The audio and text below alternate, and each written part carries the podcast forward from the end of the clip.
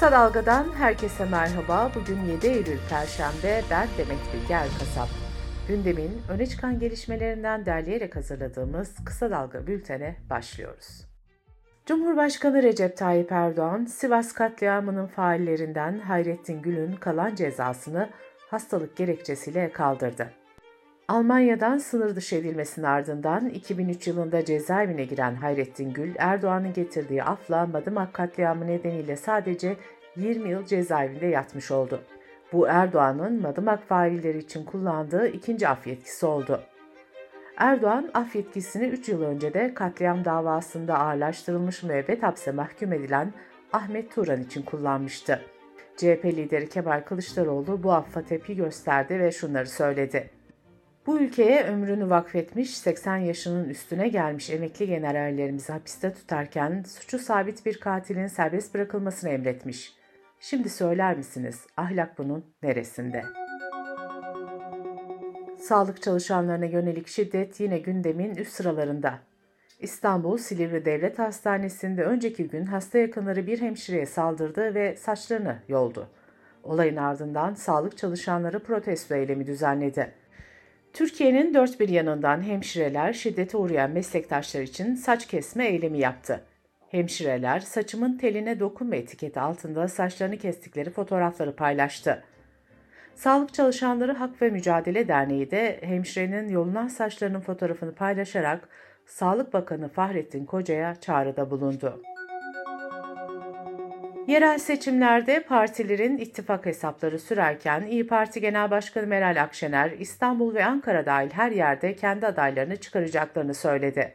Gazeteci Fatih Altaylı'ya konuşan Akşener, yerel seçimlerdeki olası bir başarısızlık için de bedelini ödeyeceğim, tüm sorumluluk bana ait. Biz bu partiyi CHP'nin adaylarını seçtirtmek için kurmadık, dedi.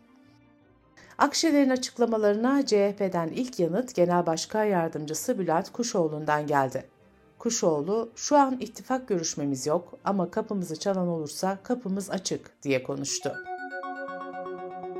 Türkiye'nin batısını etkisi altına alan sağanak yağış İstanbul'un Arnavutköy, Küçükçekmece ve Başakşehir ilçelerinde önceki gece sele neden oldu.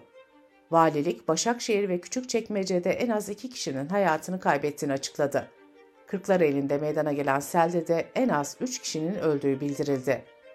İçişleri Bakanı Ali Yerlikaya yağış nedeniyle baskın ve sel yaşanan evlere hane başına 15 bin lira yardım ödemesi yapılacağını duyurdu.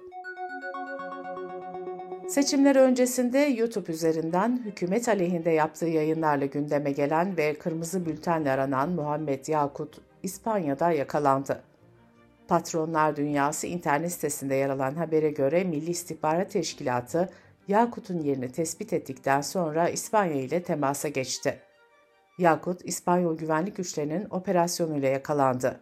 Muhammed Yakut, uluslararası adli işlemlerin tamamlanmasının ardından Türkiye'ye iade edilecek. Geçen Ağustos ayında en az 31 kadın erkekler tarafından öldürüldü. Biyanet'ten Evrim Kepenek'in basından haberleri derleyerek hazırladığı çeteleye göre Ağustos'ta en az 31 kadın katledildi. En az 20 kadının ölümü basına şüpheli olarak yansıdı.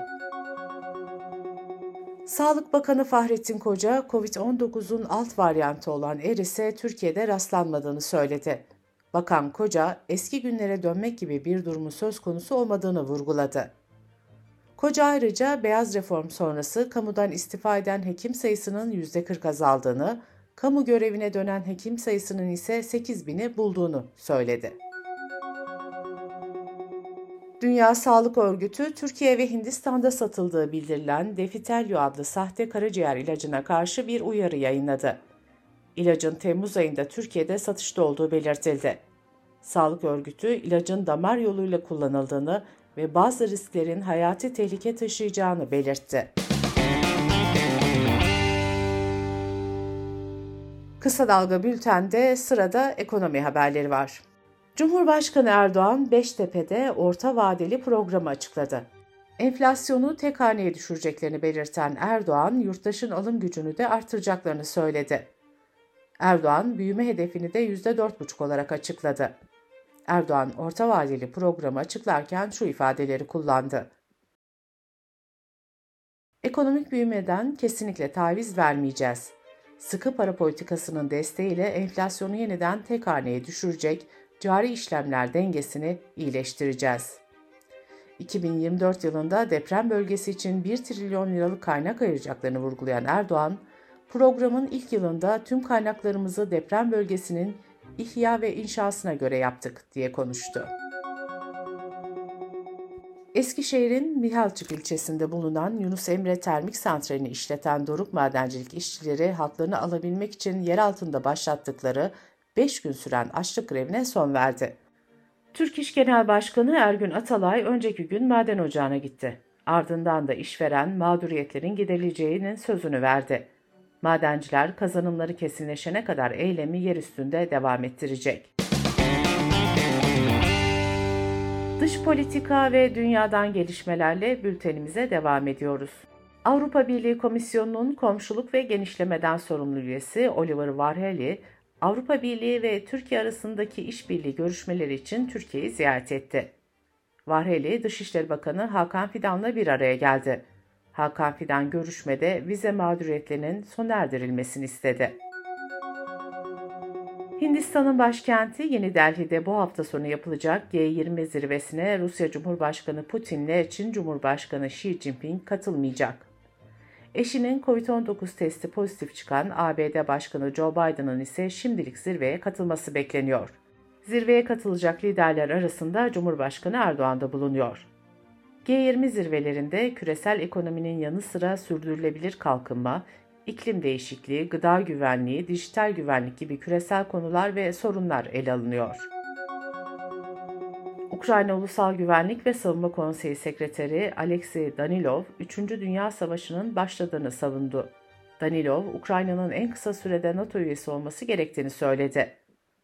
Bu açıklamalara Rusya'dan da yanıt geldi. Dışişleri Sözcüsü Zaharova, Kievli yetkililerin gerçeklerin farkına vardığını söyledi.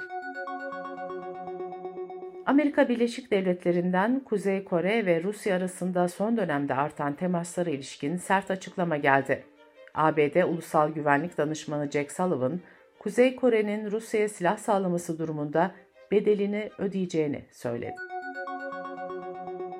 Ermenistan, ABD ile gelecek hafta yapılacak ortak askeri tatbikata ev sahipliği yapacağını duyurdu. Rusya, Ermenistan'la Azerbaycan arasında çıkan savaşı 2020'de sona erdiren ateşkes anlaşmasına öncülük ederken bölgede bir de barış gücü bulunduruyor. Ermenistan Başbakanı Paşinyan hafta sonu verdiği bir röportajda Rusya'nın ülkesini korumada başarısız olduğunu söylemişti. İngiltere hükümeti Rus paralı asker şirketi Wagner'i terör örgütü ilan etmek için harekete geçti.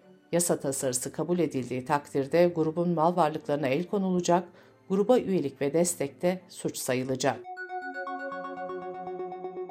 Amerika'da 6 Ocak 2021'de kongre binasına yapılan baskını organize ettiği belirtilen Proud Boys isimli faşist grubun lideri Enrique Tarrio 22 yıl hapis cezasına çarptırıldı. ABD Adalet Bakanlığı'nın açıklamasına göre Tarrio'nun olay esnasında Washington'da olmadığı ancak grubun baskına katılmasını organize ettiği belirtildi. Çin'in orta kesimindeki Shanxi bölgesinde işçiler bir kestirme yol açmak için Çin Seddi'ne kepçelerle büyük hasar verdi. Polis yetkilileri Çin Seddi'nin bir bölümünün yıkıldığını belirtirken iki işçi de gözaltına alındı.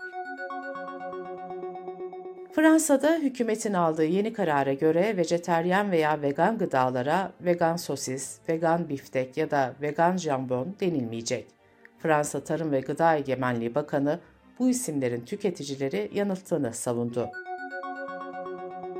Bilim insanlarına göre dünya bugüne kadarki en sıcak yazını bu yıl yaşadı. Avrupa Birliği'nin Kopernik İklim Değişikliği Servisi ve Dünya Meteoroloji Örgütü'nün verilerine göre okyanuslarda da sıcaklık rekoru kırıldı ve ortalama okyanus sıcaklığı 21 derece oldu. Birleşmiş Milletler Genel Sekreteri Antonio Guterres verilerle ilgili kısa bir açıklama yaptı. Geçen yaz için kaynama mevsimi diyen Guterres, iklim çöküşü başladı ifadelerini kullandı.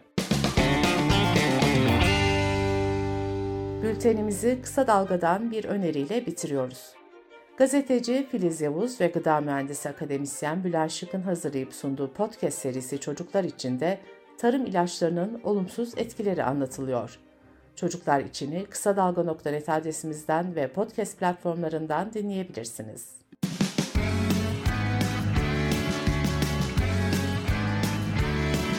Kulağınız bizde olsun. Kısa Dalga Podcast.